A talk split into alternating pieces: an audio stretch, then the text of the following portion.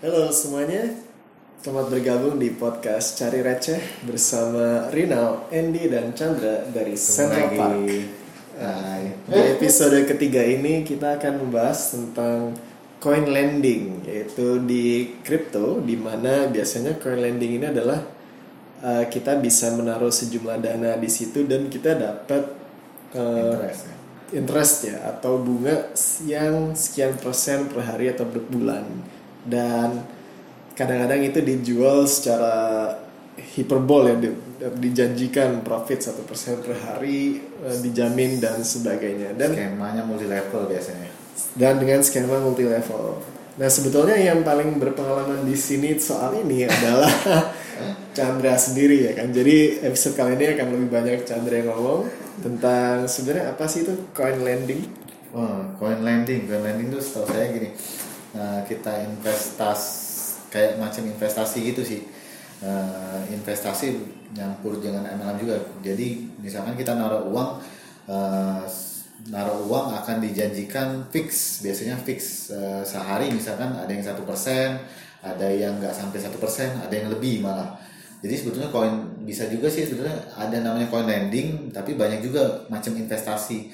Eh, kita bilang hip lah kalau misalkan di internet tuh kalau orang yang di dunia internet mungkin sering tahu yang investasi Kalau eh, HIP itu HYIP. ya HYIP itu High Yield Iya, Investment investment. Program. Ah, ah. kurang lebih hampir sama kayak gitu. Cuman kalau coin lending spesifik kalau dulu saya main sih sebetulnya mereka itu kayak berkedok cryptocurrency. Eh, jadi sebetulnya eh, ponzi scam sih, Eh, cuman berkedok cryptocurrency yang pada awalnya kalau kita ikut pertamanya dibayar, tapi berikutnya yang terakhirnya ah, itu yang kesian sih eh, rugi, termasuk saya sih. Maksudnya dulu kan belum berpengalaman, tapi sekarang sudah tahu tuh. Dulu semua hampir semua lending saya ikutin. Eh, ternyata semuanya setelah bap ibunya ya, ibunya mati Bitconnect itu semuanya berguguran. Tapi bergugurannya nggak langsung cepet sih. Jadi dia pelan-pelan gitu. Nah, tapi ujung-ujungnya scam sih, semuanya ujung-ujungnya scam. Semuanya ujung-ujungnya scam. Ya, semuanya scam. Nama-nama coin lendingnya apa? Hmm, banyak sih Eh, dari Bit Serial, Regal, Hextra. Waduh banyak banget sih kalau mau diikutin. Semuanya scam. Eh, semuanya scam. Ah, ah. Jadi antara awal-awalnya ada yang masih baik berhasil kita tarik, tapi eh, rata-rata nggak lama dia scam gitu. Jadi awal-awalnya masih bisa sih dimainkan. Jadi mungkin mereka berharap masih ada orang invest karena kan orang percaya nih beneran dibayar nih. Tapi kalau bicara Bitcoin cukup lama dia setahun lebih setahun lebihan bisa. Hmm. Jadi kalau ngikut dari awal pertama sih dari Bitcoin harga murah banget sih satu dolar ya nggak sampai. Nah itu cukup untung besar. Jadi secara nah, secara kalau misalkan scam kita nggak bisa ngeklaim juga sih mau ngeklaim ke siapa. Terus paling yang ngajakin kita kesian juga dia juga kadang-kadang korban juga dia juga nggak tahu ngajakin kita secara polos misalnya kan. Bisa juga gua ngajakin orang nih secara polos gua nggak tahu-tahu. Nah cuman yang kesiannya kalau benerannya orangnya udah tahu udah tahu nih ngajakin orang tanpa memberikan menggambaran resikonya. Misalkan kayak hip gitu kan iya nih gue ikut nih benar membayar gue nih eh, sejam eh, 10 pers- sejam satu persen gitu kalau yang hip tuh ada yang jadi ada yang per jam tap- tapi itu durasi waktunya paling berapa hari dia scam gitu. Ada yang per hari ada yang agak lama biasanya satu bulan dia menjanjikan 30% itu coin lending biasanya. Kalau dulu tuh ada yang jelasin secara logika masuk akal banget eh, kenapa coin lending ini akan bisa survive dan bertahan Betul- eh, sebetulnya saya dulu awalnya nggak percaya kan karena ada logika itu logika sustainable yang membuat gua percaya. Eh, akhirnya gua invest banyak sekali kan.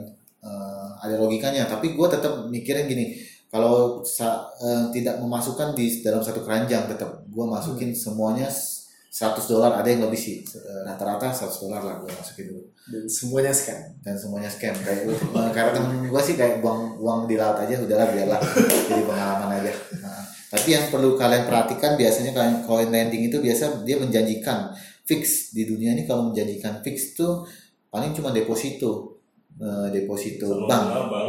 iya itu pun sebetulnya eh, ngeri juga kan. Kadang sebetulnya LPS cuma jamin 2 m. Jadi sebetulnya Eh, kalau deposito juga ditanggung cuma 2 m kan gitu. Nah deposito memang fix karena lebih jelas lah. Kalau ini janjiin biasanya yang membuat kita tergiur kan karena besar interestnya. Misalkan kita bilang jelek-jeleknya satu bulan 30% dalam tiga bulan gue udah balik modal dong sebetulnya. Hmm. Eh, tanpa maksudnya eh, masukin uang di sana tanpa harus kerja gitu. Eh, enak banget kan. Apalagi ada yang memberikan per jam loh. Kalau per jam itu udah pasti eh, Bodong. akan bodong tapi memang pada awalnya membayar. Jadi sebetulnya kalau gua pernah ketemu pertemuan yang di mana ternyata orang-orang ini udah pengalaman di hip. Jadi gini ada yang memang single factor dia main untuk dirinya sendiri. Dia tahu ini akan scam. scam tapi dia main karena dia merasa yakin. Jadi dia mau mencari keuntungan di balik eh, itu hip tersebut. Tapi ada orang juga yang yang menurut gua yang jangan nih misalkan dia tahu scam tapi ngajakin orang tanpa menjelaskan resikonya. Cuman melihatkan bukti-bukti aja. Nah makanya harus berhati-hati. Memang sih maksud kalau zaman sekarang kan material banget kan. Nih gua dapet nih mobil ini dari main ini nih. Kan banyak sekali yang nawarin kayak gitu kan kadang. Kalau zaman dulu MMM yang kita Hmm. jelaskan. Eh, gua beli mobil nih dari MMM gini-gini. Nah sama sih memang sih orang manusia kan melihatnya ke materi langsung. Nah setidaknya harus di apa ya dipikirkan secara logis juga. Jangan jangan langsung percaya gitu. Kalau mau main oke tapi harus tahu resikonya biar jangan saling menyalahkan. Eh, dengan sadar ngikut eh, tapi sebetulnya jeleknya gini. Sebetulnya kalaupun kita untung sebetulnya eh, sebetulnya itu uang la- uang orang lain yang nanti ikut akan rugi sih sebetulnya moralnya sih Iya. gitu sebetulnya. Kalau memang eh, boleh boleh nggak boleh kalau mau ngambil kesempatan berarti kan itu kayak namanya investasi aja. Lu lihat ini ada resikonya tapi lu mau ngambil peluangnya. Eh, boleh aja sih sebetulnya. Eh, lebih baik nggak ngajak orang sih memang ke, biasanya kebanyakan kalau ngajak orang tuh dapat bonus bonus tambahan ya kayak MLM gitu biasanya rata-rata. Jadi ingat aja dua fix itu. Kalau fix satu menjanjikan fix income, kedua ada kayak apa MLM MLM gitu referral. sistem referral. Nah, referralnya maksudnya MLM yang cukup besar. Nah itu itu udah pasti sebetulnya ponzi scam sih. Cuman kadang banyak berkedok kripto aja yang harus dipahami. Kurang lebih sih itu sih. Mungkin dari kalian ada yang Um, jadi tadi HIP itu adalah High Yield Investment Program Program, ya. disebut High Yield uh, karena menjanjikan return atau keuntungan yang tinggi. Contohnya tadi kan 30% dalam sebulan. Iya. Di mana kalau instrumen investasi lain nggak ada yang berani menjanjikan seperti itu ya kan. Dan kalau di kripto sebutannya coin lending di mana kita menanam modal tertentu biasanya ada paket-paketnya gitu kan. Iya, betul. Minimal berapa dolar atau berapa rupiah terus untuk beberapa hari pertama atau beberapa minggu pertama mungkin kita dapat payoutnya kita dapat Iya. eh, keuntungannya bisa kita withdraw bisa kita tarik ke rekening tapi untuk kedua kalinya atau ketiga kalinya mungkin udah mulai nggak bisa atau depending Iya. atau disuspend terus tahu-tahu nggak bisa sama sekali dan benar-benar. dana kita hilang di Iya. sana kelihatannya sudah dikonfirm tapi sebetulnya di blockchainnya mereka nggak kasih TX ID-nya jadi Iya, kita nggak bisa melacak cuma bodong-bodong aja ditulis dari platform mereka aja berhasil padahal enggak Hmm. gitu kan banyak juga sih eh, soalnya kita nggak kenal juga siapa mau untuk gimana Nah itu nuntutnya ke mana kalau misalkan nggak bisa dong kan nggak internet internet benar-benar apa ya liar lah ibaratnya kalau kalian yakin itu percaya kalian mau invest bisa itu ya bisa ter- kembali lagi resiko di tangan kalian gitu Eh, kalau Ponzi scheme itu mungkin buat teman-teman yang belum tahu itu sebenarnya udah lama ya. Itu asal muasalnya kayaknya dari tahun 1930 dari Rusia ya kalau nggak salah. gitu. Dari Amerika setahu dari. Amerika ya Dari seorang atau da- dari mana ya? Ada ada dari dunia barat lah, mungkin dari Rusia juga. Dari seseorang bernama Ponzi namanya. Ponzi ya Eh, lupa nama lengkapnya siapa, tapi intinya investor awal dibayar pakai uang investor baru ya kan jadi mungkin pertama Chandra ikutan terus gue ikutan modal gue dipakai buat ngebayar profitnya Chandra terus Rinal ikutan modalnya Rinal dipakai buat ngebayar profitnya gue dan segitu seterusnya sampai makin banyak Eh, makanya disebutnya Ponzi scheme. Kadang-kadang disebut sebagai pyramid scheme juga, di mana di situ cuma uang aja yang berputar sebetulnya nggak ada produknya kan. Jadi di Nah. situ bahayanya. Tapi kalau menurut menurut kalian bank itu ponzi scheme nggak? Oh, iya. Itu buat episode yang lain.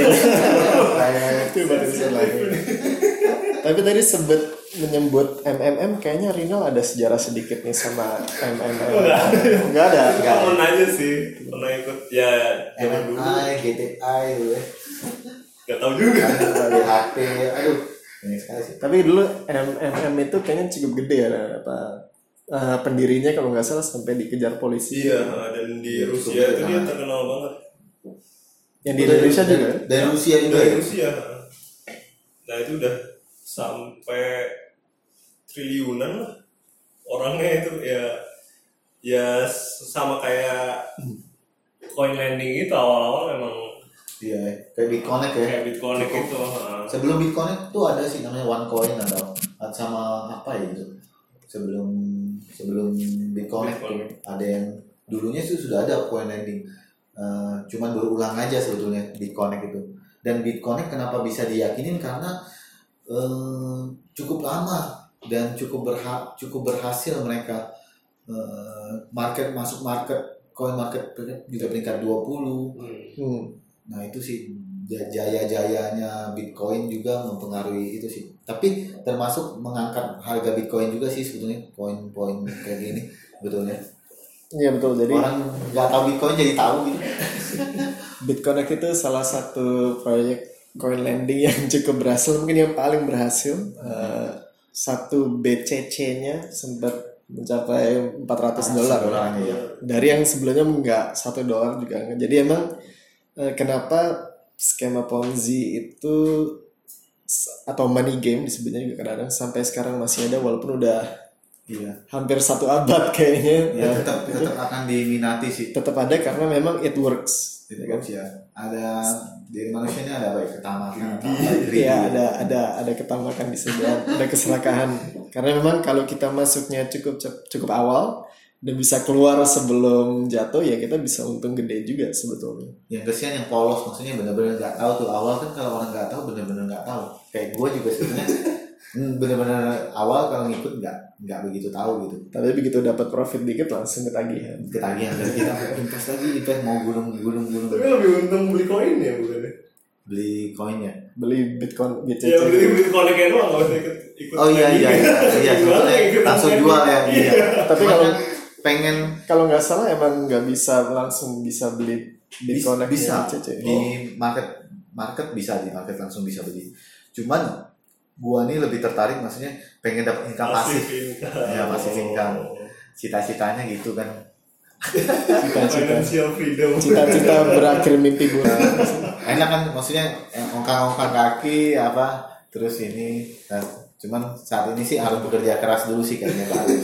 antara harapan dengan realita.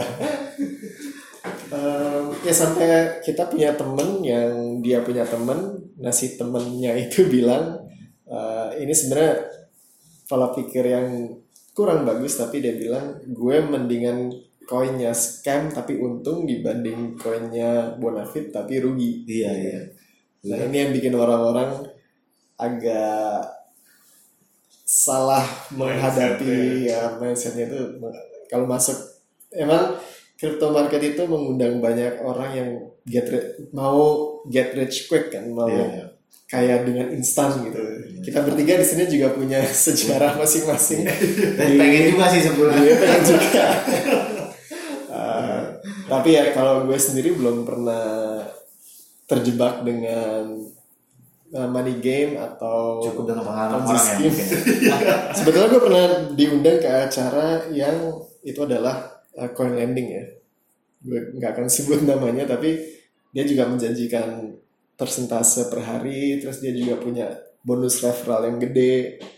Terus gue lihat si orang yang presentasi ini dia bitcoinnya udah berapa kayak 3 atau 4 BTC waktu harganya ratusan juta ya. Itu dia punya 3 atau 4 dari hasil referralnya aja. Itu gue udah curiga karena dia dapat duit referralnya dari orang yang masuk kan betul orang yang masuk kan naruh modal nah ini modalnya ke perusahaannya berapa berarti nggak eh, apa? Nggak sinkron sebenarnya. Matematikanya nggak Nah, matematikanya nggak masuk. Tapi it works sih. It works ya bener. Kalau bisa masuknya lebih cepat dan keluar di waktu yang benar kita bisa untung gede. Cuman resikonya itu. Dan waktu itu emang minimalnya berapa puluh dolar dan disarankannya malah buat ngambil paket yang paling gede. Iya iya. Yang waktu itu sekian berapa belas juta gitu Kesi, yang kesian tuh yang pengen maksudnya yang pengen pensiun gitu sih sebetulnya. Ada beberapa Iya. yang maksudnya gue lihat contoh eh, pensiun menaruh, eh, menaruh harapan di sana. Nah itu kan kesian Hmm. sih cuman ber- eh, berdoa aja. Dan di balik itu ada hikmahnya semuanya. Saya pun juga sih merasa maksudnya di, eh, ada hikmahnya sih. Kalau kita lihat itunya ada titik-titiknya lah gitu. Eh, setelah saat ini baru bisa menyadari kenapa terjadi ini akhirnya titiknya ini gitu. Gitu. dan hikmahnya buat para pendiri BitConnect mereka juga diincar kepolisian ya Kabar sampai diculik. ada youtuber Wajar, wajar. youtuber yang dia mempromosikan BitConnect setelah BitConnect terindikasi scam itu channel YouTube-nya hilang iya iya jadi orangnya kabur kecuali si Pidipa yang bikin lu- lucu-lucu ya. Dan dia invest di Bitcoin juga. Maksudnya dia invest karena mungkin dia keluar sebelum jatuh. Enggak, gua rasa dia invest tuh karena karena kerja kerasnya si marketingnya Bitcoin di internet. Dia lihat lucu makanya dia invest kata dia. si Kal eh, Carlos Mantos itu. Lucu sih memang. Gua aja sebetulnya rugi cukup banyak ya. Eh, nggak banyak sih maksudnya sekitar 400an eh, itulah. 400 juta. 400 dolar cuman terhibur rasanya dari si Mantos tuh ya sudahlah gua biarin aja lah. Hiburan senilai 400 dolar. Tidak. Eh, ya tapi ya dengan podcast ini kita pengen kasih tahu ke teman-teman kalau emang bener sih dengan Ponzi scheme atau coin lending itu betul bisa untung. Cuman tadi pertanggungjawaban moralnya berat karena untungnya kita itu adalah hasil dari kerugian Iya, orang lain. Yang mana di sini resikonya itu bukan resiko eh, jadi resikonya resiko scam. Jadi resiko scam itu beda dengan resiko investasi ya kan. Kalau kita buka restoran, restorannya gagal itu nggak apa-apa ya kan. Karena usaha tapi ya timingnya lah, Atau marketnya lah gitu kan. ya nggak Kita tahu. jualan baju bangkrut itu bukan scam kan karena kitanya kurang berhasil. Tapi kalau naruh uang uangnya dibawa pergi, nah itu Jauh lu kalau kata Mas itu resiko scam. Jadi eh, kalau kita untung di atas orang lain kena scam, nah itu pertanggungjawaban moralnya berat. Mas senang di atas penderitaan orang lain sebenarnya. Iya. Tapi ya baik lagi sih sah-sah aja gitu. Sasa aja. Sah-sah aja tapi Ka- kalau Chandra berhasil keluar pada waktunya dia gak, gak akan ada di sini, gitu. Gak akan seperti ini. Dia akan menjadi Carlos Mantas sedikit. untuk gua cepat disadarin sih maksudnya. Tuhan itu baik banget. ya jadi oke eh, itulah sedikit eh, pembahasan podcast kita tentang coin lending eh, bagaimana ciri-ciri scam dan gimana juga tips untuk mengidentifikasinya supaya kita bisa menghindarinya dan nggak kehilangan modal yang lebih gede kita beli bitcoin aja udah hilang modal gede Makanya kadang-kadang ah, scam enggak tapi enggak lah. Ini kan teknologi dan masa depan. Oke, eh, itulah podcast ketiga dari Cari Receh bersama Rinal, Andy, dan Chandra dari Central Park. Kita akan ketemu lagi di episode berikutnya. Sampai jumpa. Bye bye.